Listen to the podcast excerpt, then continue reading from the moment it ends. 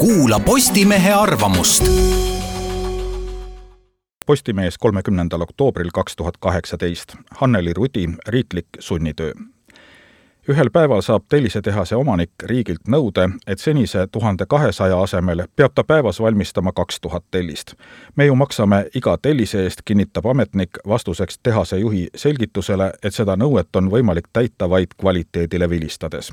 riigiametnikku see ei huvita, on ehitusbuum, telliseid on vaja.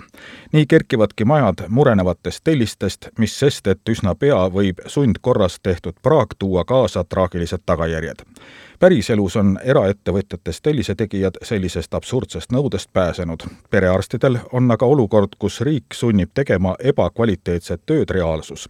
paarkümmend aastat tagasi tuli riiklike käsulaudade järgi jaoskonna arstidel hakata ettevõtjateks, kes pidid oma rahaga püsti panema praksise, soetama ruumid ja seadmed ning palkama peale pereõe ka raamatupidaja siis tundus see hea plaan, sest makstes perearstidele iga hingekirjas oleva patsiendi eest kuus pisut pearaha, jäi majanduslik toimetulek puhtalt ettevõtjast tohtri kanda. riik lootis, et põhimõte, mida rohkem patsiente, seda rohkem raha, ärgitab arste oma nimistuid võimalikult suureks paisutama perearstide entusiasm rauges kiiresti, kui selgus, et hiigelnimistu tähendab tööd konveiermeetodil.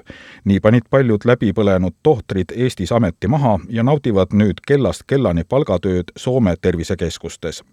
uusi noori arste ülikoolist peale ei tule, sest aastaid õppinud noored meedikud tahavad ravida, mitte hakata ettevõtjaks, kes võib korralikust puhkusest vaid unistada, sest üksikpraksises on asendusarsti leidmine võrdne lotovõiduga euroraha toel kerkivad tervisekeskused ilmselt leevendavad veidi perearstide põuda, aga on tõsiasi, et lähiaastatel kriis süveneb, sest kunagised jaoskonna arstid hakkavad kohe-kohe pensionile jääma ja neile on väga keeruline asendajaid leida isegi Tallinnas, väiksematest kohtadest rääkimata iseenesest saan aru Sotsiaalministeeriumi soovimatusest mitte vähendada seadusesse kirjutatud nimistute suurust, sest siis on riik sunnitud tunnistama.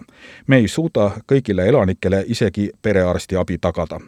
millegipärast ma ei usu, et riiklik sunnitöö tõstaks perearstiameti populaarsust meditsiinitudengite seas. karta on, et varsti jäävad need residentuurikohad jälle täitmata seda enam, et iga aastaga paneb riik perearstide õlule aina enam kohustusi, et eriarstiabi koormust vähendada.